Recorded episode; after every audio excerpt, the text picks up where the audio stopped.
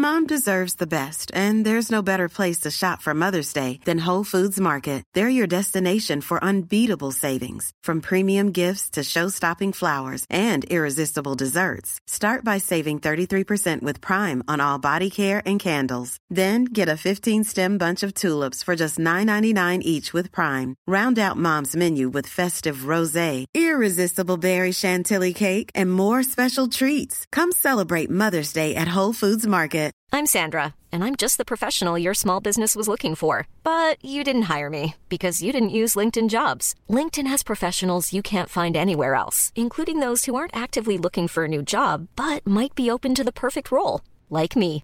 In a given month, over 70% of LinkedIn users don't visit other leading job sites. So if you're not looking on LinkedIn, you'll miss out on great candidates like Sandra. Start hiring professionals like a professional. Post your free job on linkedin.com/people slash people today.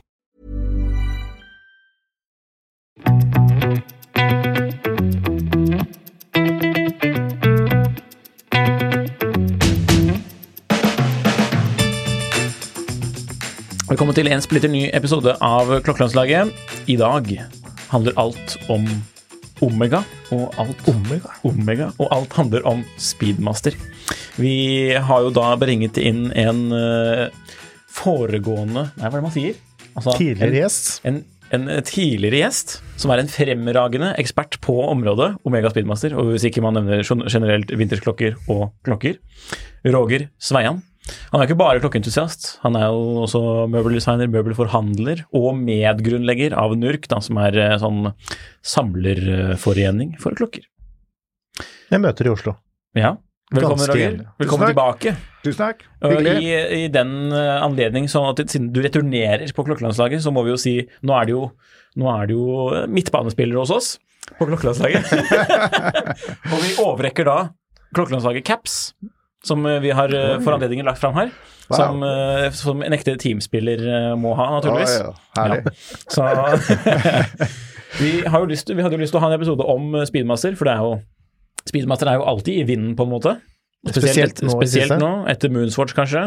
Det kommer vi sikkert litt tilbake til. Men det, vi tenkte liksom at denne episoden skulle handle liksom om historien til Speedmaster. Sånne litt sånn spesielle modeller. Og Roger har jo en stor samling av disse nevnte, som han har med. Og derfor må vi også anbefale folk å se på YouTube-kanalen denne gangen også. Viktig, viktig. For det blir en visuell historiefortelling eh, i dag. Ja. Nei, jeg tok med, tok med et utvalg eh, fra den eldste jeg har, som eh, Ja, fra 65. Altså det som er med de gamle, eller eh, helt opp til 70-80-tallet, så sto det etter F-en så sto det et uh, nummer som var årstallet, men det var, var ikke årstallet og klokka var salt, det var årstallet når bakklokka var produsert. Mm. Så det er min uh, eldste. Um, 65. Um, og jeg har jo egentlig vært opptatt av å få tak i nesten alle versjonene. Fortsatt på jakt. Eh, men det begynner jo å bli tynt rekkene på de som er før, altså fra 50-tallet. Ja. Eh, hva var starten på liksom Speedmaster? For det, først så var det jo ikke en klokke som man nødvendigvis forbinder med månen. Nei da, den var aldri lagd for å dra til månen. Det var jo en klokke for uh, hva skal si, bilinteresserte. Mm.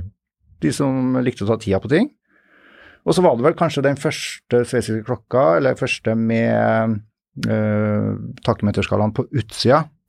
Mm, stemmer. Ja, så, så det er på en måte en sånn eh, ja, sportsklokke, som det var opprinnelig. Hva var det det startet med da? For det startet i 57? 57, ja. Og da, da hadde de jo litt smalere kasse, litt uh, verna bessel, altså med, med stålbessel, og så pillvisere.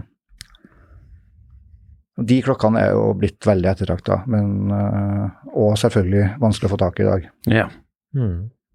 Mens den klokken vi ser nå, da, for de som ser på, den Ja. var fra Eh, Den er da altså baklokket, eller kassa er produsert i 65, så den er sikkert solgt i 66-67, vil jeg tippe. Eh, og det er det første året med da den nye kassa, eller ja, hva skal jeg si. den som er sånn twistet, på en måte. Da. Ja. Ja. Var det Som- som produsent av urkassen eh, til det, eller var det samme? Det var nok samme, men det var nok flere leverandører på kassa også. Altså mm, Omega De pakka jo ned klokkene. Det var jo Lemania som produserte verkene. Singer eh, skivene, eh, sikkert noen andre viserne, og så andre kassene. Mm. Så, så Men på dette tidspunktet, på 60-, 50-, 60-tallet, pre månedlønningen, hvor populær var den klokka her da? Det er litt vanskelig å si, men jeg tror nok det var en sånn forholdsvis storselger. Um, altså på den tida så var det på en måte to uh, altså funksjoner som var veldig populære, og det var jo automat og kronograf. Av praktiske årsaker. Uh, flesteparten hadde kanskje manuelle klokker, for det var det som var rimeligste. Mm. Så um, jeg tror kronografer var populært, men det er kanskje ikke den der, for den er jo det er en stor klokke Mm. i forhold til andre kronografer. Og spesielt for tiden å være? Ja, for den tida Ja. så, så var den jo ganske stor. Det er kanskje litt av en forutsetning også for den suksessen den har hatt som en moderne klokke også, det at den i utgangspunktet var en størrelse som også er aktuell nå i, Ja, i dag. ja.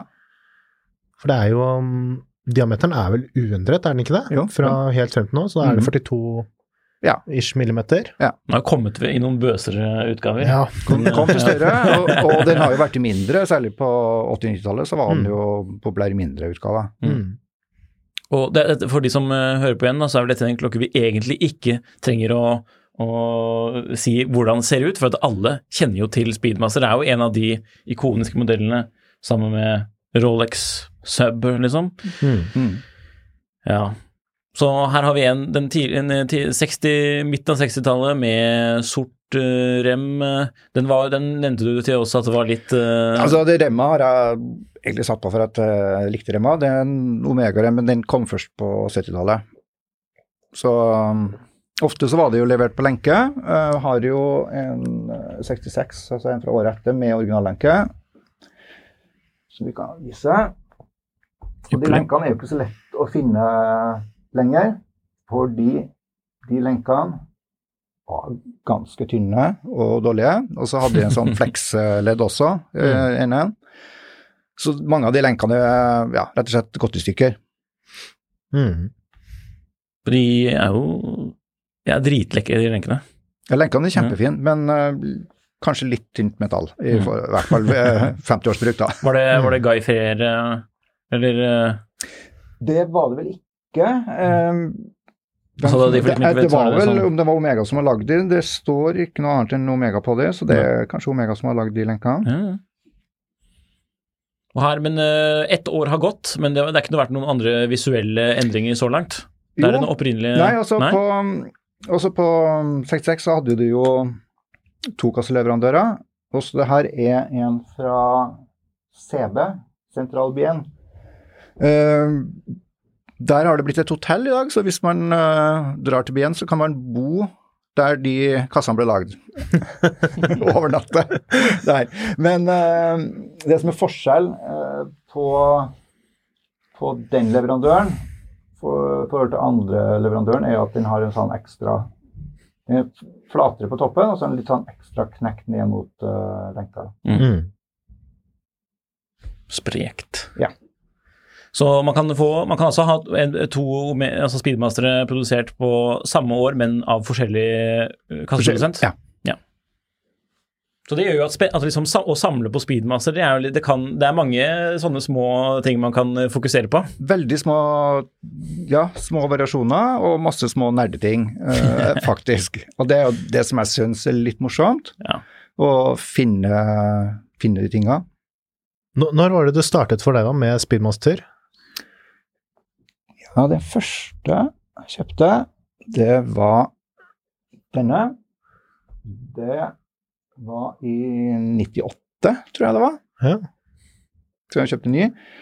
Det var for at jeg syntes den så litt eh, kul ut. Eh, men det er jo en automat, Mm. og litt mindre. Syns, da syns jeg at Professional kanskje var litt for stor klokke for mitt håndledd. så, så jeg gikk for den som var da mindre. Mm. Den, var sånn, den, den er jo ganske, den er ganske uvanlig speedmaster. Den ligner jo ikke på den standardutgaven. Ikke på ingen måte. På ingen måte. Ja, ja. Men jeg syns egentlig ja, kul uh, fargekombinasjon. Men dette er en sånn øh, sjumaker? Nei? Jo, det er en slags sjumaker. Ja. Det var jo også den klokken som han Ben Clymer i Hodinki fikk av sin far eller bestefar, Bestefar, var det ikke det? Jo. Som de Som gjorde en startet- eh, spesial limited edition for noen år siden, som Mm. Stemmer det. ligner litt i fargene. Mm. Så, Men eh, ikke med kalender, da. Nei. Den har jo fullkalender, den der. mm, Litt hvassere. det er veldig kult. Hvordan syns du liksom det har forandret seg siden eh, 98, eller når du startet med å liksom bli interessert i Speedmaster? Har det vokst veldig, den interessen eh, Samlermiljøet, har det blitt større sånn for ja, ja, Speedmaster? ja, ja, absolutt. Og um, det var vel eh, Det var ikke så mange som samla på Speedmaster den gangen. Eh, det var jo noen Mm. som her i Oslo, men det var jo klokke som den gangen, som jeg mistenker at Omega kanskje tenkte å avskrive og ta ut. Altså den uh, baneklokka. Jeg tror ikke jeg tror ikke det ble solgt mye av de på 80-90-tallet. Nei. Jeg tror det var forsvinnende lite, men eh, det har jo tatt seg opp voldsomt etter, etter hvert, da. Ja. Og da var det jo litt sånn alle de der småtinga og sånn, det var ikke så mange som eller, var opptatt av det. For det første så var det jo ikke noe særlig info, for det var jo før internett. Mm. Så det var liksom ingen som drev og beskrev det, og om det var 860 verk eller 320, altså man visste jo at det var forskjell på det, men det var liksom, Mm. det hadde ikke så stor betydning. Og jeg har jo, skal vi se, jeg kjøpte jo,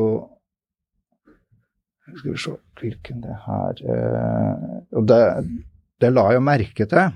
Eh, Og nå sitter Roger med lupe, for de som Eh, ja. hører på. Det var jo, som jeg la merke til, den her kjøpte jeg jo sikkert på 2000-tallet. Og da var det sjekka på nett og sånn den gangen, det var ingen andre som hadde skrevet noe om det, men jeg hadde merket merke til det, at det er jo trykkfeil på bestillingen. Det er totall for mye. Det står mm. 220, det skal stå 200.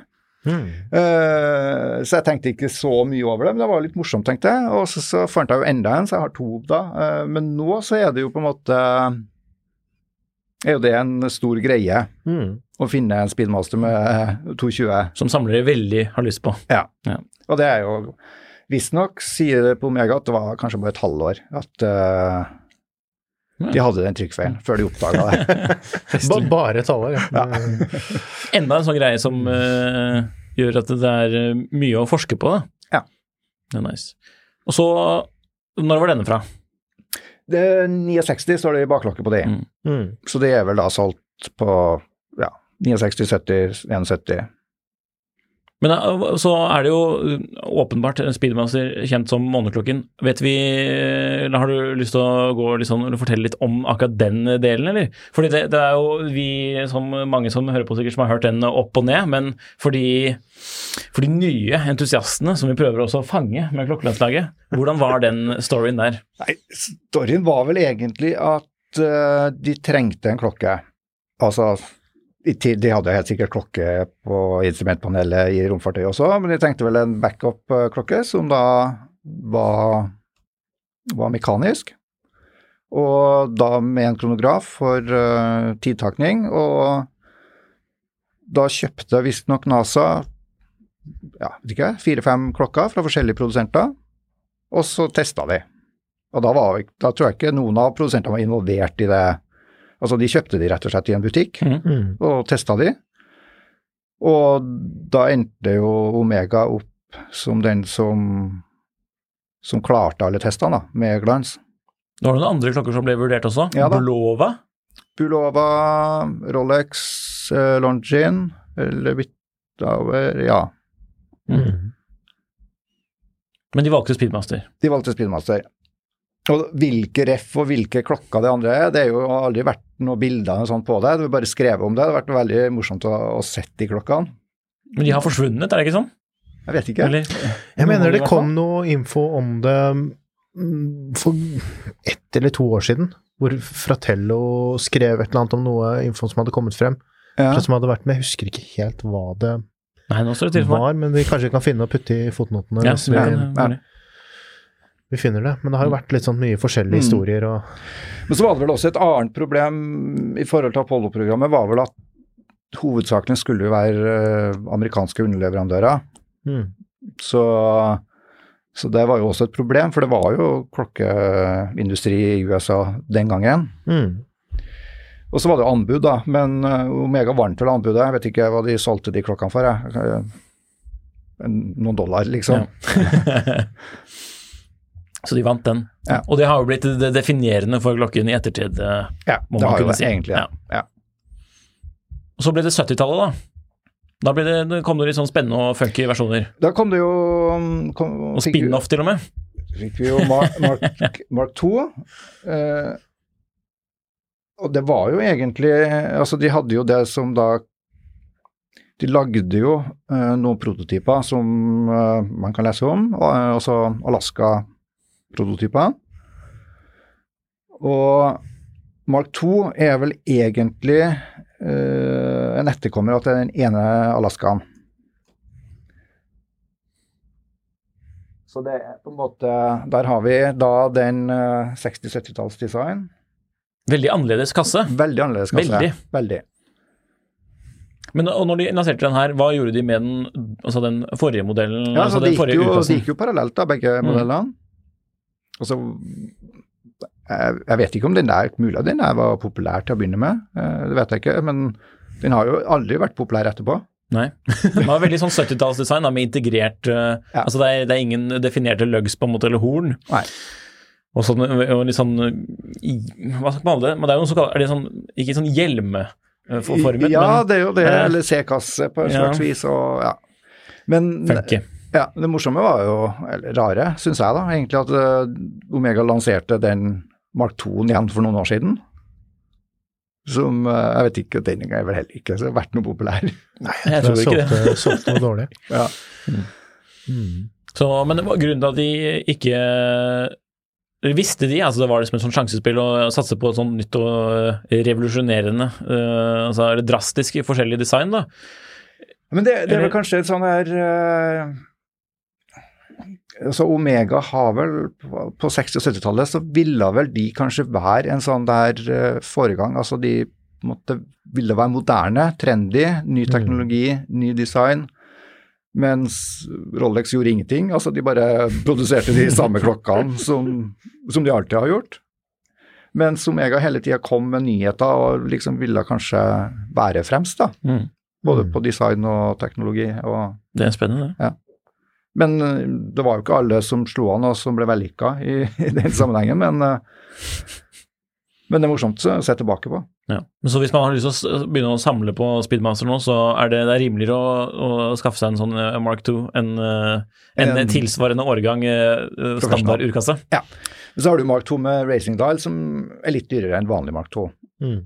Men fortsatt snakker vi liksom en fjerdedel av prisen eller lignende, eller Ja, nesten. Ja, nesten. nesten. Ja. Tidvis. Tidvis. Noe videre på 70-tallet? Nei, og så var det jo det som jeg sa, at uh, det mest populære funksjonene på klokka den gangen, det var jo da kronograf og automatikk. Så sveitserne brukte jo enorme summer, mange fabrikker og mye utvikling på å få det i samme klokka, selvfølgelig. Det måtte jo være gull. Så da kom jo Omega i 71. Og da var de jo to år etter Zenit eh, og Seiko med Ja. en automatkronograf. Jeg kan kanskje ta den veien først. Ja, det må tror vi faktisk må. Se hvor tykk den er, altså. De klarte å få plass til begge funksjonene i én kasse. Helt sjukt. Helt sjukt. Uh, Men heter disse fortsatt Mark 2, eller Ja. er det Ja. da har vi kommet til tre. Og så kom det fire. Ja, det kom jo eh, Men det der eh, Det der tror jeg kanskje ikke slo an. Altså, for, altså, det er jo et helt altså, Det er et veldig stort design. Mm. Altså, kassen er jo Altså, hva slags form er dette? Altså, det er jo Altså, bare er jo, en tykkere versjon av MK2, på en måte. Ja, det er jo veldig dobbelt så tykk som er Mark 2, på en måte. Det er jo et monster. Uh, Så, men, så samlemessig så er det jo morsomt. Men du ser jo den Ja, ja. kassa har jo fått utrolig mye bank og julinga. Mm. Det er jo ikke så rart. Altså Den svære metallklæden der banker borti alt. Men hva er det som kjøpte en sånn uh, ny, tror vi? Nei, Det må jo ha vært de som likte både automat og kronograf samtidig, ja. Og syntes det var kjedelig å trekke klokka, men samtidig var glad i å ta tida. Ja. De elsket dørkarmer og sånn Ja. den på. Ja. ja. Var det noe Men uh, hvilket årstall snakker vi her?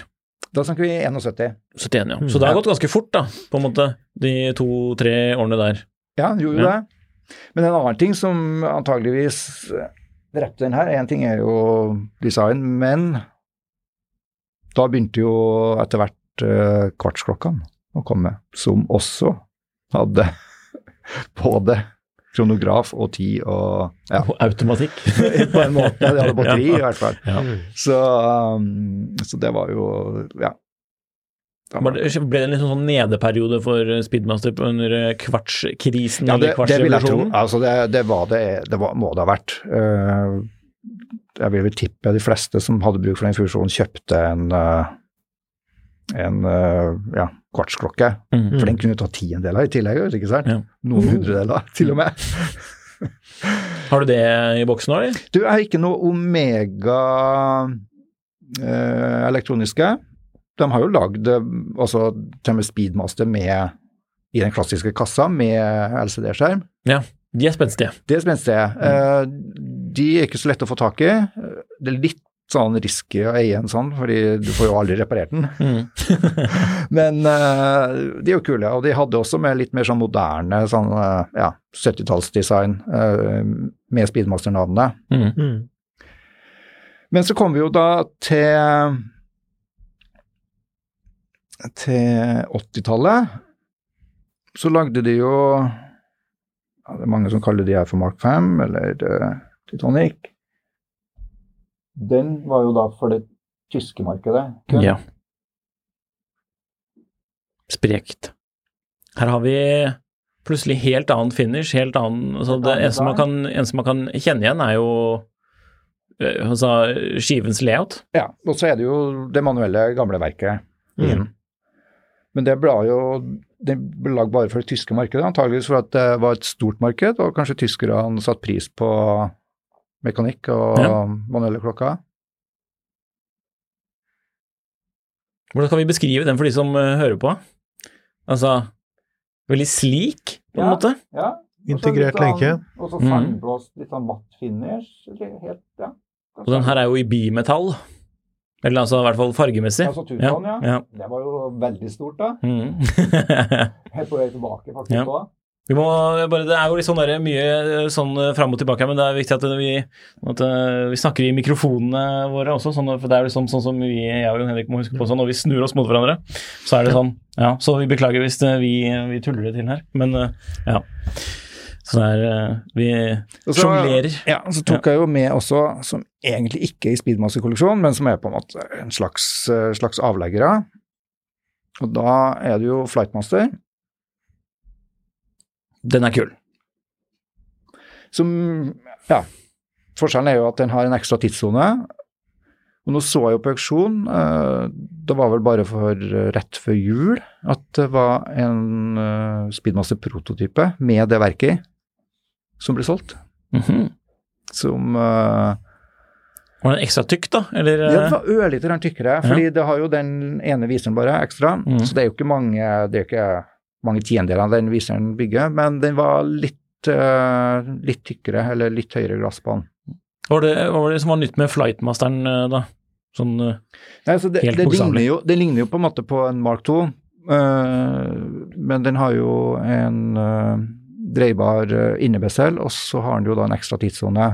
Og det er jo to versjoner også av Flightmaster. Så det er jo en slags speedmaster, egentlig.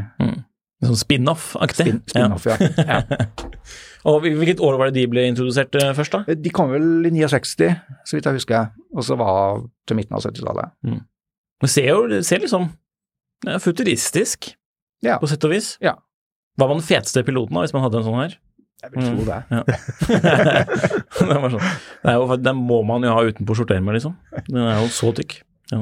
Litt mindre tykk kanskje enn uh, Ja, altså, Den første jo, automatiske? I, I forhold til GM til Master, så er jo det der Jeg vet ikke. Det ser jo litt uh, Det så vel litt raffere ut på 70-tallet med Ja, det- sånn en enn en GM til Master. Ja, det GMT master var pusle, var puslete. Ja. Med stor oransje visere, eller viser, Ja. og farge på urskiven. Ja, de er freshe, de der. Det er mye som skjer på urskiven, da. Og på urkassen, for Ja. den saks skyld. Sånn, I form av knapper Ja. og kroner. Ja. Men det er jo ekstra gøy.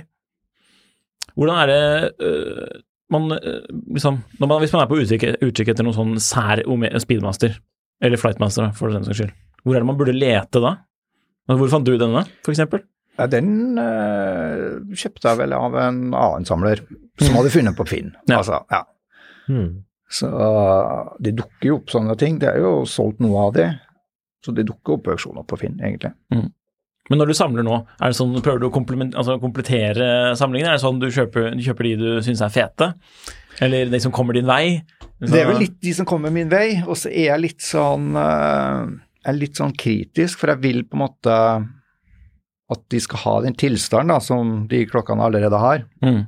Og da begynner det jo å bli utplukka, Ja. rett og slett. For mange er liksom er litt sånn øh, herpa, på en måte? Eller, Ja, for det begynner, jo, det begynner å bli gamle klokker. ja, ja. Hmm. Hvordan er det man kan forvente av sånn stand, da? På en måte? Noe av den vi ser her nå, med litt sånn Det er, også, det er åpenbare bruksmerker, men den er ikke, den er ikke deformert. Det er ikke deformert, men Nei, jeg syns jo den der var for så vidt morsom. Den, den bærer virkelig et preg av et uh, godt uh, bruktliv, da. Mm. Det er for så vidt morsomt, det, altså. Uh, det som jeg prøver å unngå, er jo de som kanskje har vært hos urmakeren på 70-80-tallet, når ting skulle gå fort, og det var ikke så nøye om det var hva som ble bytta, ting ble bare gjort på en måte for at klokka skulle gå igjen. Hmm. Så mye klokka som ble ødelagt av urmakere den gangen. Ja, ok. Den er kul. Ja, har vi noe annet uh, fjongt, da? Alt på å si? Eller spesielt? Sånne Spesielt. spin-offer, hvis vi først skal være inne på temaet spin-off, Ja da. da, så det har jo Så den her, som kalles uh, Jedi Jedi. Da vi 70-talls Se ja. 70-tallsklokke. Det er jo også litt som en Mark 2. Men her er, vi, her er vi plutselig mindre i liksom form øh, igjen, på en måte. Ja. Ja. Litt mindre kasse, kanskje. ja, Litt slankere kasse. Men det, Men, det var flere sånne I hvert fall, I hvert fall en Flightmaster, tenkte jeg. Var sånn, ja. ja, men det var flere sånne type spin-offer på 70-tallet. Mm. Men de var i Seamaster-serien, da. Hmm. Og det er jo på en måte Speedmaster er jo også har jo også havhesten. Altså den har jo havhesten til Seamaster på baklokket. Det har den jo alltid hatt, så jeg vet ikke om det egentlig var en slags Seamaster den gangen den kom, på en måte. Mm. Sånn, da. Eller at det bare designerte at den hadde en viss uh, vannresistens. Men hadde, det var jo ikke så veldig mye. Nei, Det 15 var- meter. Ja, så Ja, og denne her som vi ser på nå, den har grå, grå matt urskive, nesten, nesten mot brunt, på en måte. Veldig lyse, lyse, lysebrunt. Jeg vet ikke, Og så orang, oransje visere. Ja. Sprek greie. Morsom sak. Cool. Og så er den på en moderne rem her, da. Ser, ja. Fra en annen speedmaster, ser det ut til. Nei, det er nok Nei? Ja, er fra, fra Kina dem. Ja, ja. Og så går det videre. Ja da, og så har jeg jo også da samla eh, Begynte jo også samle på de spinmasterne. Det kom jo årlig. Den første var jo den første Snoopyen. Uh, Nå er vi inne på moderne tider. ja, altså Eller sånn semimoderne. Ja. 2000-tallet, Ja. altså 20 år siden, da. Så nå begynner vi å bli ganske moderne. Eh, eh, Det første var jo, som kom, husker jeg jo, den kom, og det var virkelig en hyllevarmer. Det var jo Snoopyen. Den hadde jo Snoopy både på skiva og på baklokket. Og det var vel nesten ingen som ville ha ei klokke med Snoopy på. Det var for barnslig, liksom? Det var litt for barnslig. Eh, jeg jeg syns det sjøl, så jeg kjøpte den ikke. Det, var jo, det kosta som en vanlig Speedmaster, og det kan man si kanskje er litt dumt i dag. Men uh, året etterpå så kom det en som jeg syntes var utrolig tøff. Uh, og den kjøpte jeg. Og så kom det jo da egentlig hvert år etterpå. Vi kan jo Altså det som er nesten tøffeste på den, er jo baklokket. Skal vi se om vi får vist det til kameraet der. Vises baklokket. Ja, så vidt. jeg kan prøve hvis du bare snakker. Kommer remma i veien, eller? Ja. Nikolai kan prøve å holde litt sånn, så ser vi Nå ser man Så er det åpen Er det amerikansk tema, man kan kalle det sånn? Ja. Vi har landa. Og det er jo, ja, altså, veldig fin eh, skive, hvis man er Mm. glad i panda. mm. For nå hadde Omega skjønt liksom eh, den virkelige kommersielle verdien eh, Det hadde de, og så hadde de jo skjønt at det var, var samlere, så da kom de med en samleklokke hvert år. Hmm. Og de var vel sånn rundt 2000 sånne de lagde hvert år. Og det tok jo fort uh, mer enn ett år før de ble utsolgt fra butikkene. Mange av de der var jo flere år i butikkene. Hva hva slags antall snakker vi om, da? Et par tusen. Så, så da begynte jeg jo å samle på de, og det er jo sånn det er litt farlig når du begynner med sånn, da, for da må, føler du at du må, Må. må ha alle. da. Og så ble det da skiftet det farge på urskiven. Året etterpå. Ja. Den er veldig fin. Den er også veldig fin. Med blå, skinnende effekt. Ja. Og hvite subdials. Mm. Og rød speedmaster-tekst. Det er superfin. Den er ettertraktet nå. Det er nok. Ja. Og det var jo også en Både den forrige og den og en annen hadde jo reedition, Japan edition, hva var det i forhold til Det var OL, ja, i Tokyo, som egentlig ble avlyst. Mm. Mm. Men eh, de, de lanserte jo de, og de Jeg husker når de kom, det, altså det ble jo lansert bare i Japan, og det var ikke noe lansering. Det ble bare lagt ut på den japanske nettsida, og de forsvant jo med en gang. Og resten av verden fikk ikke tak i dem, dessverre. Spennende. Og den, men hvordan fikk du tak i den? Den her er jo som sagt den gamle fra 2000-tallet, Ja. Mm. så den, den kjøpte jeg bare hos en forhandler. Ja. den var ny. Og det var ikke noe vanskelig å få tak i. Nei. Da. Var, den, og den var til, altså, også denne var litt sånn hyllevarmeraktig? Ja. Ja. Så den her, eh, den eh, hoppa over den gangen. For den Den kom jo på lenke, eh, men det var jo også en hyllevarmer. Det jo, her har vi gull-detaljer. Altså, den er- som, ja, som har blitt inn igjen, men som var helt ute for uh, 10-15 år siden. Mm. Det var vel kanskje noe av det mest uh, ute du kunne ha på en klokke. Ja, for da skulle alle ha Ja, da var det vel stål, da, Stål som var uh, gjaldt, eh, the shit. Ja. Ja. Ja. Den er jo fresh, den her òg. ja da, absolutt. Da har vi den klassiske kassen, bare, men med krone, pushere og litt sånn detaljer på urskiven, og besel i roségull. Mhm.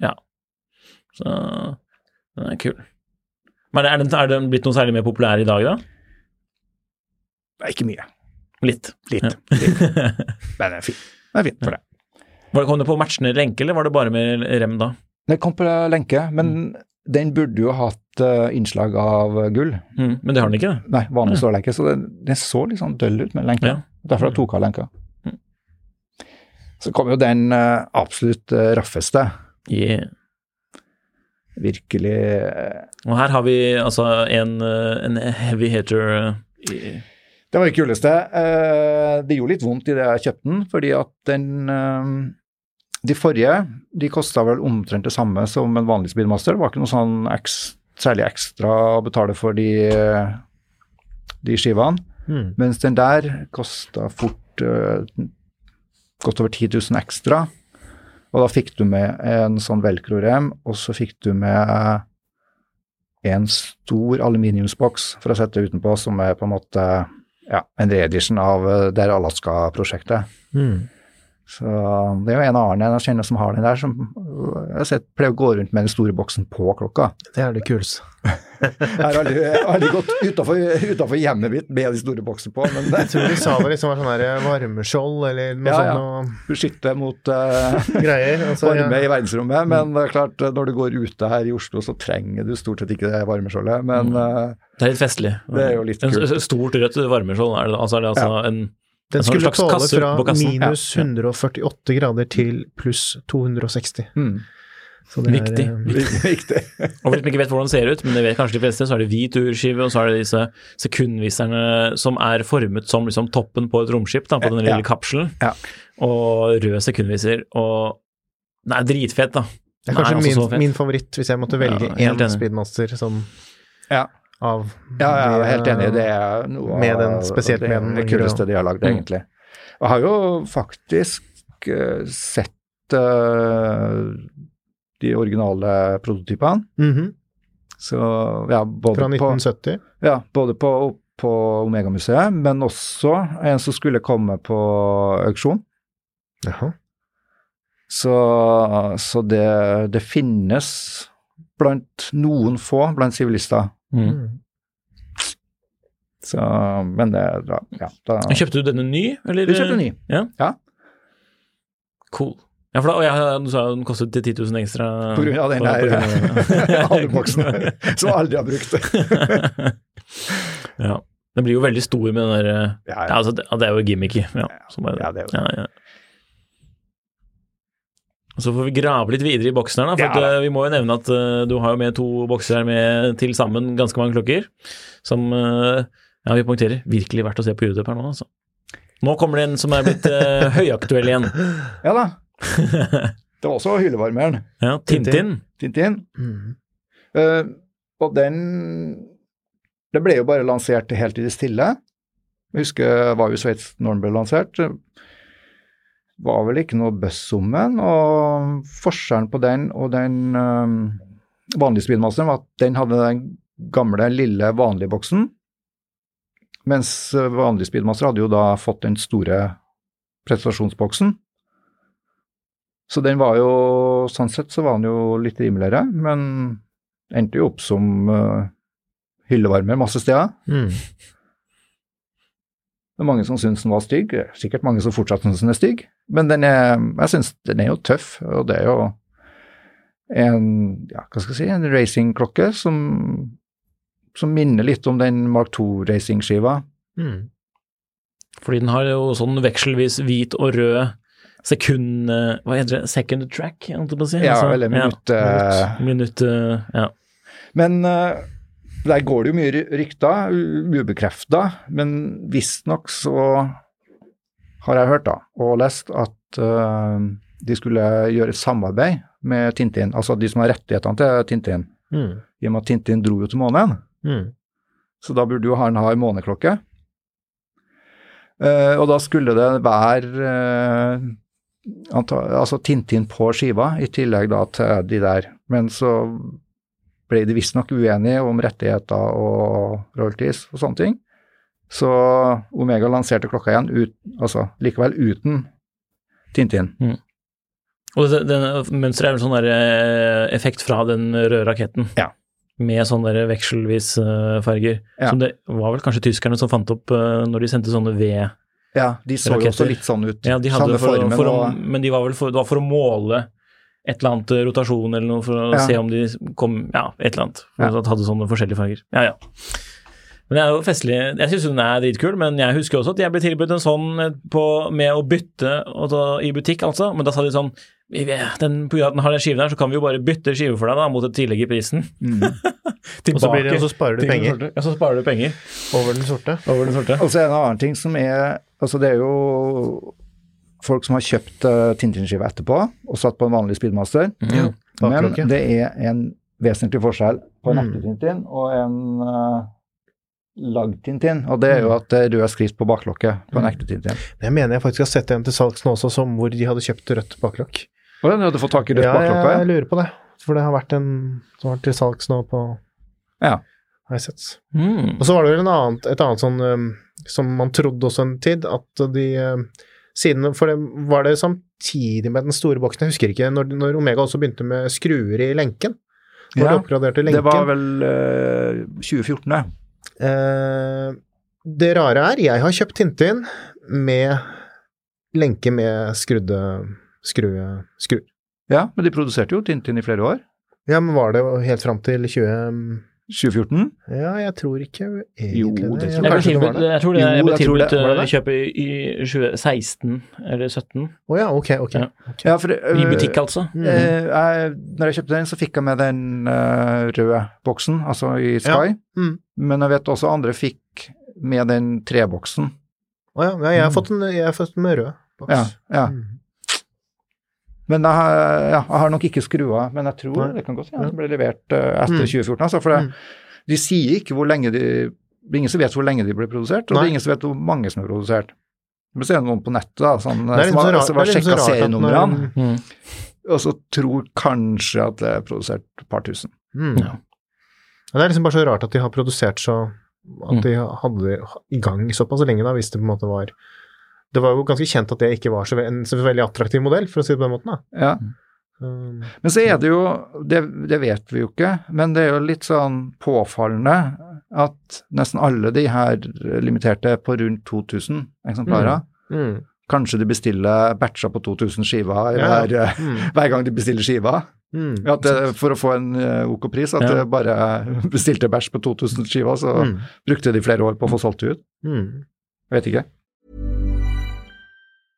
Hiring for your small business? If you're not looking for professionals on LinkedIn, you're looking in the wrong place. That's like looking for your car keys in a fish tank. LinkedIn helps you hire professionals you can't find anywhere else, even those who aren't actively searching for a new job but might be open to the perfect role. In a given month, over 70% of LinkedIn users don't even visit other leading job sites. So start looking in the right place. With LinkedIn, you can hire professionals like a professional. Post your free job on linkedin.com/people slash people today. Hey, it's Ryan Reynolds, and I'm here with Keith, co star of my upcoming film, If, only in theaters, May 17th. Do you want to tell people the big news? All right, I'll do it. Sign up now and you'll get unlimited for $15 a month and six months of Paramount Plus Essential Plan on us. Mintmobile.com slash switch. Upfront payment of $45 equivalent to $15 per month. Unlimited over 40 gigabytes per month. Face lower speeds. Videos at 480p. Active Mint customers by 531.24 get six months of Paramount Plus Essential Plan. Auto renews after six months. Offer ends May 31st, 2024. Separate Paramount Plus registration required. Terms and conditions apply if rated PG.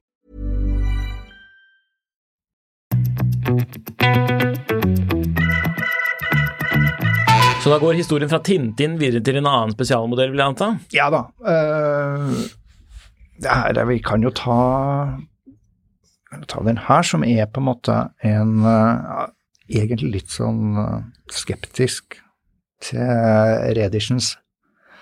Men uh, det kan være kult innimellom. Men det her er jo en jubileumsmodell fra 97, som skal på en måte etterligne da, den eh, opprinnelige Speedmasteren. CK2915. Så det som de har etterligna, er jo egentlig viserne og skiva for og Besseren, men Mm. kassa er jo den nye kassa. men det, kom jo, det har jo kommet eh, flere reedition etterpå med den smale kassa, så Mm. Men det der er også en klokke som eh, ikke har vært så populær. Den kunne Mm. man skaffe, den har jeg sett rimelig på Finn. Mm. Jeg har kanskje Men- snudd litt nå, men uh, Det har snudd snudd ja. nå, for det, det er ikke laget så mange av den.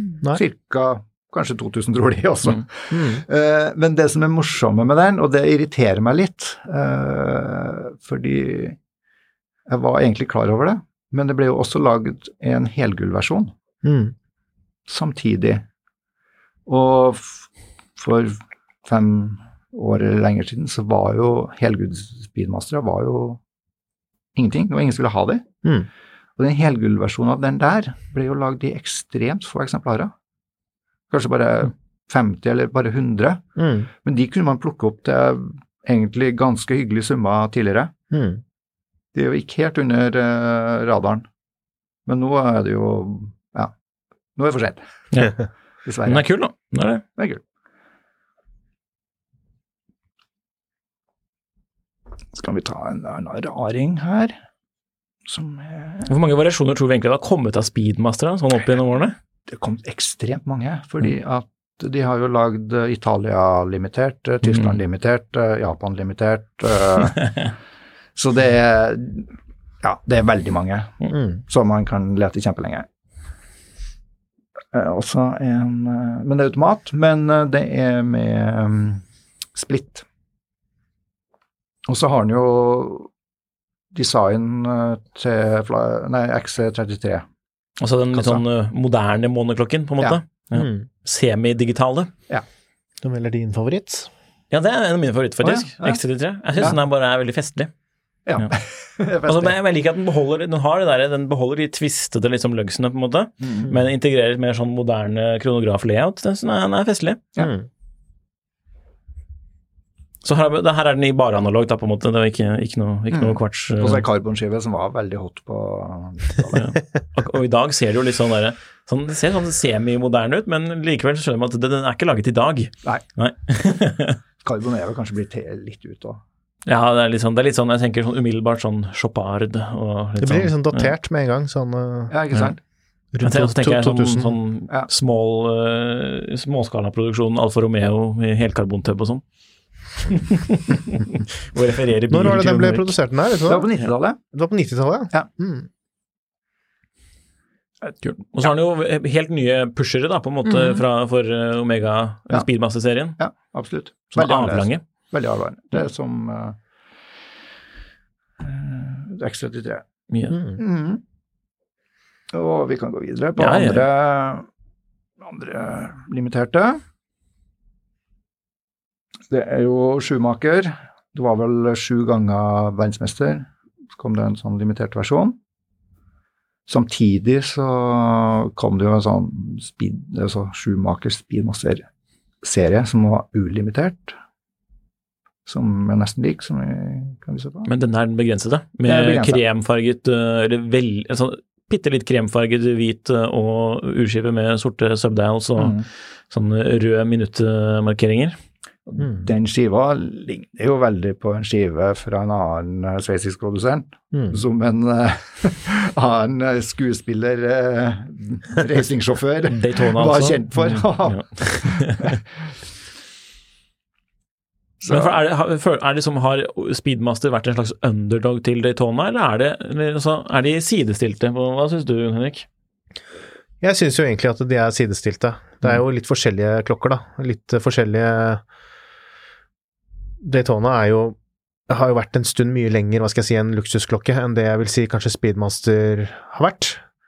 Um, men selvfølgelig nå i det siste så har jo også Omega prøvd å gjøre Speedmaster til en veldig luksusklokke på den Mm. måten, da, men sånn både pris og, og detaljer. Men uh, Men på 70-tallet så tror jeg ikke den prisforskjellen var så veldig stor, fordi Nei. da var jo Daytonaen den absolutt billigste mm, Rolexen. mm, Og det var jo det var jo på en måte ganske like klokka, for begge hadde jo skiva fra samme eh, skiveleverandør, fra Singer. Ja. Og Rolex hadde jo et verk fra, fra Bolsjo, og, og Omega hadde fra Lemania. Altså Ja. ganske sånn jevn Ja. likeverk, Mm. på en måte.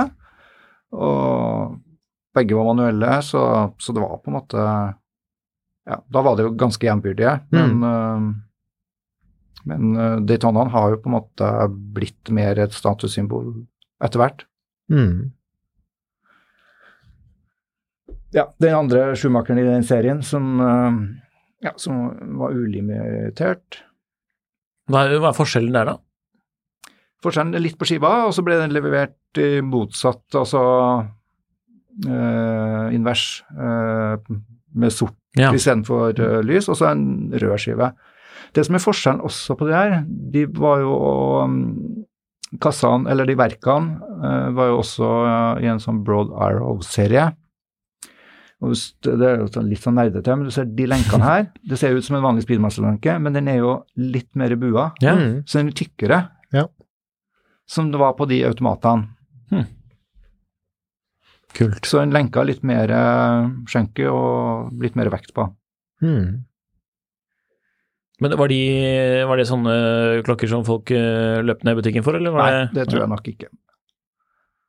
Hvordan, hvordan er de sånn ettertraktet eh, i dag, eller er de fortsatt litt sånn obskure? fortsatt litt, eh, ja, litt mindre populære, altså. Mm. Jeg syns jeg så en del av de for kanskje sånn Ja, for når var det de kom?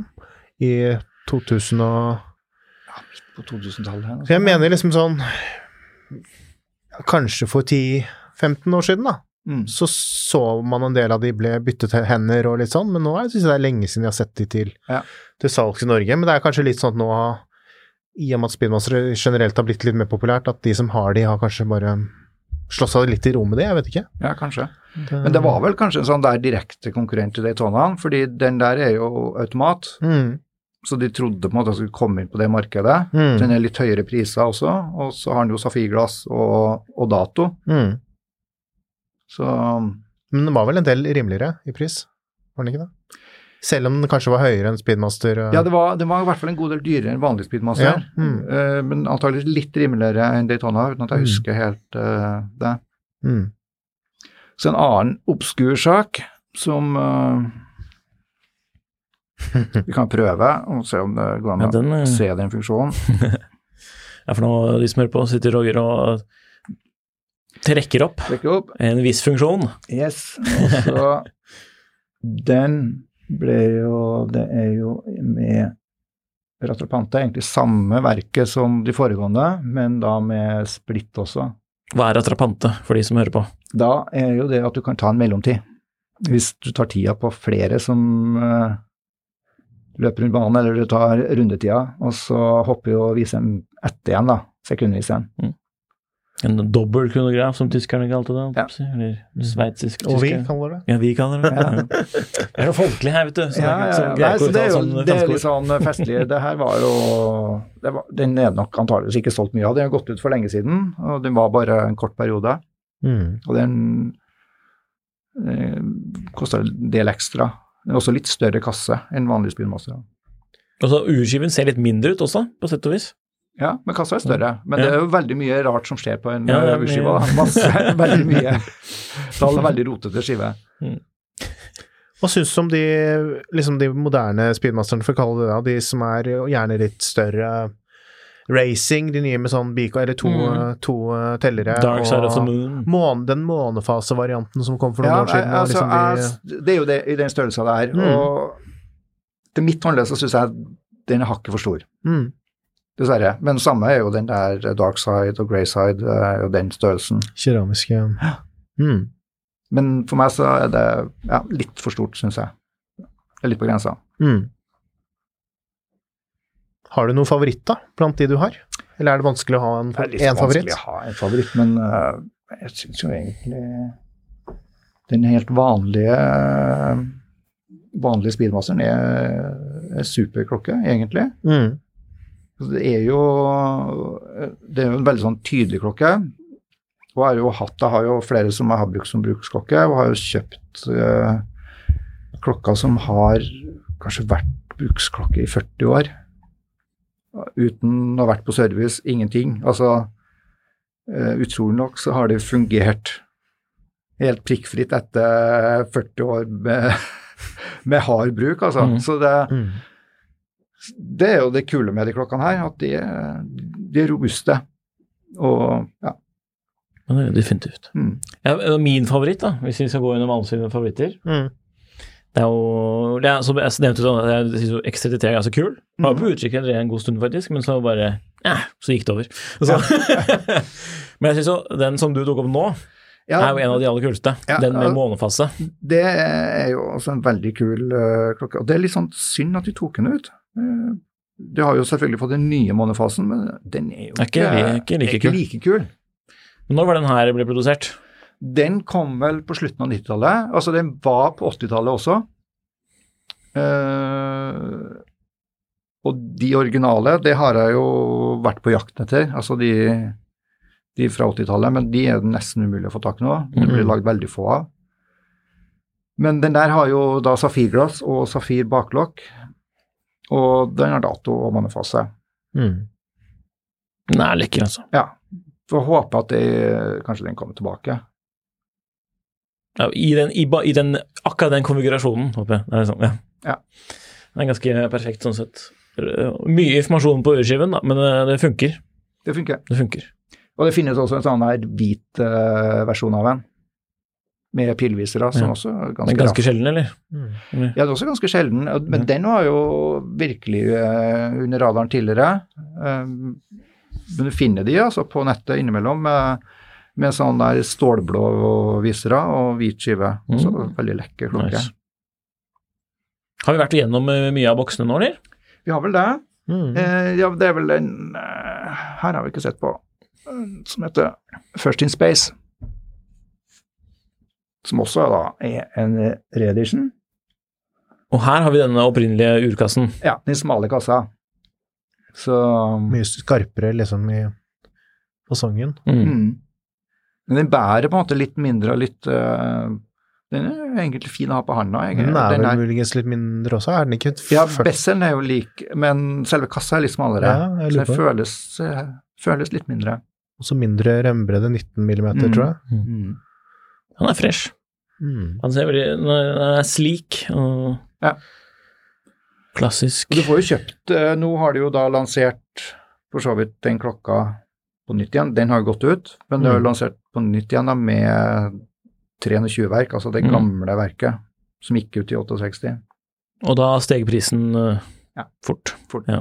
Men den er jo Jeg tror ikke levert mange av den i Norge ennå, kanskje bare Mm. et par stykker. Mm. Det er jo liksom for spesielt interesserte, akkurat Ja, den konfigurasjonen. Ja, ab- absolutt. Men, men likevel så er det jo ja, det er jo klokke som jeg egentlig har lyst på, men uh, det vil vel roe seg ned litt. Kanskje det markedet også, at det går an å få tak i det etter hvert. Men uh, det 321-verket er jo et veldig fint verk. Absolutt. Det var jo også, det var jo De gjenintroduserte jo det urverket i- for to år siden, eller noe sånt? Eller ett år siden? To Mm. år siden? Ja. Først med en sånn veldig, veldig dyr jubileumsmodell, var det vel, Ja. og så kom de denne her litt etterpå. Mm. Ja. Men eh, Mm. det er jo det som er at altså alle de som var i Apollo-programmet, de hadde jo 320-verket. Så, så det er jo på en måte den ekte måneklokka. den uh, har jo 320-verk. Mm. Mm. Og så har du jo faktisk med en Moonswatch, Ja, jeg måtte jo ha det. må jo det?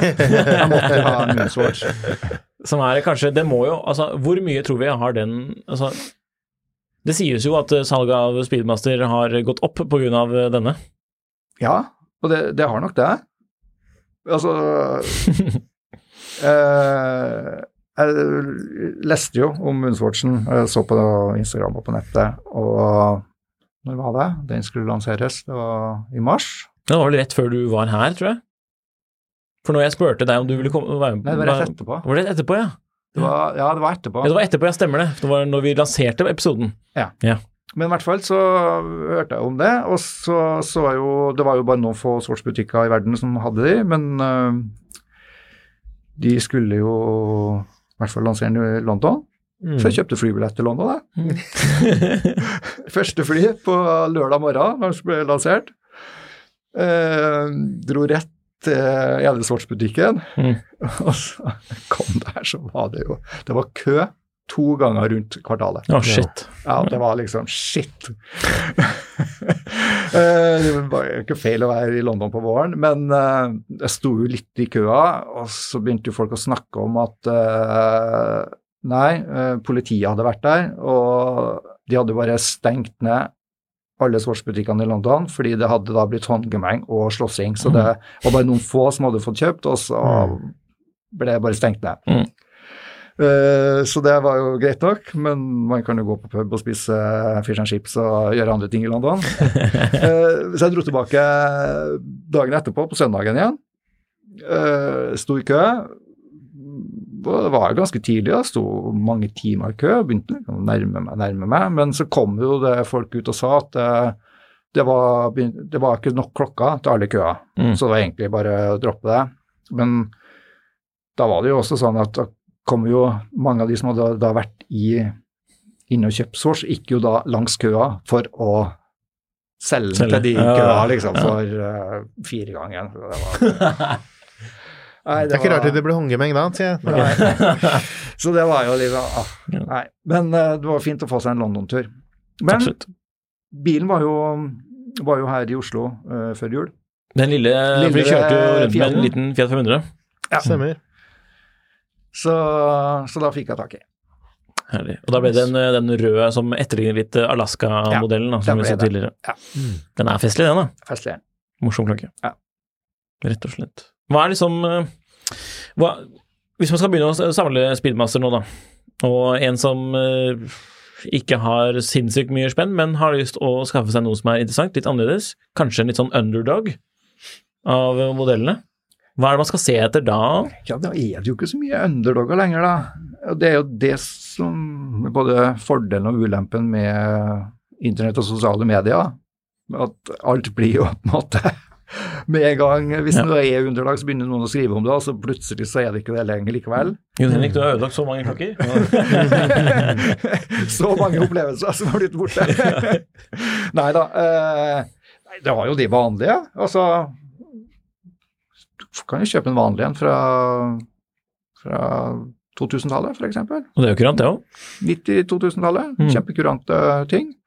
Eh, Kommer på 90-tallet, så får man med tritium på viseradskiva, som er kanskje Litt patina. ja, litt Mm. patina. Du kan kjøpe nyere. Um, og så vil du etter hvert de der koaksiale komme på brukten, eller du kan kjøpe ny en. Nå er det jo oppgradert verket med koaksial. Mm. Skal visstnok være mer nøyaktig. Det er det helt sikkert. Uh, men jeg syns egentlig ikke de gamle er så veldig unøyaktige. Nei. Så det er på en måte Jeg har aldri følt det behovet at uh, klokkene er unøyaktige. Og det er jo en klokke som er kurant å samle på, for det finnes veldig mye informasjon, ikke sant? Eller så kan man bare sende deg en melding på Instagram hvis man liker den. Ja. Masse informasjon. Og så, Roger Atrapante på Instagram, altså. Ja. eh, masse informasjon, og så er det jo Ja, du får jo Du får jo deler av alt til de. Mm. Så det er jo ja, lett å serve, solid. Er det noe skal, man skal holde seg unna da? Eh, nei, det er vel egentlig ikke noe du skal holde deg unna. Eh, det er vel litt mer komplisert og kanskje dyrere å serve de automatene, Mm. egentlig. Eh, For det er moderert eh, modulverk. eh, Eh, nei, du- altså det Du har den eh, Den har jeg holdt meg unna. Eh, du har den uh, reduced med modulverk, altså Du både fra ja, Modul. den uten dato. Uh, mens den Den her finnes jo også i masse versjoner. mm. uh, med 7750, og det er jo Ja, da tar vi full Det- circle med den første Schumacher. Ja. Så det, altså, de er jo ganske eh, solide, de også. Mm. Sånn. Så det er vel egentlig ja, Det er vel kanskje de der eh, med moduler som de sier kan være litt mer plundrete å serve. Mm. Den er god. Da har vi gått gjennom Omega Speedmaster, da. Mm. Det er jo nesten som nesten fordrer en episode til også. Men uh, ja. Har du noen uh, tanker om Speedmaster som du vil dele, om, Henrik? Eller skal vi gå rett på ditt litt- spørsmål? Skal vi, skal vi, jeg har vært litt slem og kalt Speedmaster for verdens kjedeligste klokke. Det har vi jo Eh, motbevist i dag. altså det, men det kan du jo på en måte si. Det er jo en veldig Det er jo en kjedelig klokke. Men, men eh, altså, sånn, eh, som dere sa innledningsvis, jeg, jeg jobber jo med, med design og er utdanna produktdesigner. og jeg synes, sånn Designmessig så er det egentlig en veldig interessant klokke. Fordi eh, det er ett av få altså produkter eller eh, eh, som er Altså når du tar en sånn speedmasterkasse Mm. så skifter den på en måte karakter hvordan du, du snur den, altså fra alle sidene. Og det, den designen fungerer fra, fra alle sidene, så Mm. den er egentlig en sånn interessant som gjenstand også. Mm. Det er på en måte som, som en Citroën DS. altså du, Når du går rundt den, så er den, den skifter karakter, men den, den er fin fra alle sidene. Og interessant fra alle sider. Vi må si at du eier Citroën DS også. Ja. selvfølgelig. men, eh, men det er faktisk en av få eh, klokker som på en måte har så mye på en måte, design og linjer i seg. Og, og det er litt interessant, fordi jeg har vel aldri hørt noen si at de syns f.eks. at den er stygg, eller at kassen er stygg. Og for å være såpass og det er jo, Men samtidig så er det et design som hvis man ja, Vi som er klokkeentusiaster, det vi liker jo å tro at vi sitter med fasit og hva som er pent og ikke, men jeg tror aldri noen hadde klart å komme på et sånt design. Hvis man bare skulle sagt nei, design drømmeklokken din, andre design kronografen din, så ville de aldri kommet på et så komplisert design, og i hvert fall ikke et, et like komplisert design uten at noen ville sagt at det er stygt. Mens her så er det forholdsvis komplisert og unikt, og så er det samtidig veldig universelt uh, Altså, man syns det er pent. Mm. Og, og tallskiva er også veldig sånn ren og tydelig, ja. Men det er kanskje kjedelig tallskive, men likevel en sånn Det er vel kanskje en av de kronograftallskivene som fungerer best, da. Mm. Nei, altså Det der liksom sleivete kommentaren med kjedeligste det går jo litt på det der Kjøp, nå, er, nå syns jeg jo faktisk at den nye, spin, nye revisjonen av Speedmaster er ganske lekker. At det er det, som et kvalitetsobjekt. Men, men um, tidligere, altså, som kjøpe en Speedmaster, det er veldig Det er veldig mange av de. Ja. Det er litt som å kjøpe en Golf på én måte. Ja. Altså Ja. Men så klart, når man får bredden i det og samler på det og har flere nyanser av det, så blir det jo Og, og det som er, jo at den nye Speedmasteren er jo egentlig veldig lik den 57-modellen. Altså, De har tatt måte kassedesign tilbake til den. Altså, Det er bare små variasjoner, men, men både skiva, viserne og kassa er jo veldig lik den eh, Altså 65-modellen, da. Den, man, med den, den speedmasteren man virkelig tenker på når man tenker speedmaster. Ja. Han er fin, altså. Ja. Topp. Tusen takk for at du ble med i dag, Roger. Ja, hyggelig. Da har vi alt om Omega Speedmaster pluss 70. Ja. Ja. Og så kan vi jo nevne at jeg har jo også en sånn eh, som- troposon. Altså bare google 'Spillmaster julekalender. Der Mm. er det jo på en måte også bilder av veldig mye av de klokkene her, og Ja. litt sånn info om forskjellene på hver enkelt modell, som en referanse. Ja, det legger vi i fotnotene. fra Tidsons Definitivt. forum. Ja. Eventuelt får man eh, sjekke ut eh, Du har jo møbelbutikk, du har Instagram-profil. Hvis du har lyst til å plugge litt, så er det lov å gjøre noe. ja, det jeg heter Roger Atrapante på, på Instagram, da. Altså, ja. Ja. Den er god. Takk for at du hører på Klokkelandslaget. Deres foretrukne podkast om klokker, forhåpentligvis. Det er fra Finansavisen i samarbeid med Tidsson.no. I Det foretrukne nettstedet om klokker. Det foretrukne nettstedet om klokker. Utvilsomt. Husk nå å høre på nei, Finansavisens andre podcaster, f.eks. Mil etter mil, en podkast om bil, spesielt om du kanskje liker Citroën DS. Eh, eller om du liker kunst eller design, så kan vi jo tipse om Kunstpraten. Så har vi en ny podkast som heter Dyrt og deilig, hvor det også diskuteres dresser, klær, eh, andre dyre ting enn bare klokker, da. Ok, ok. Hei og hå.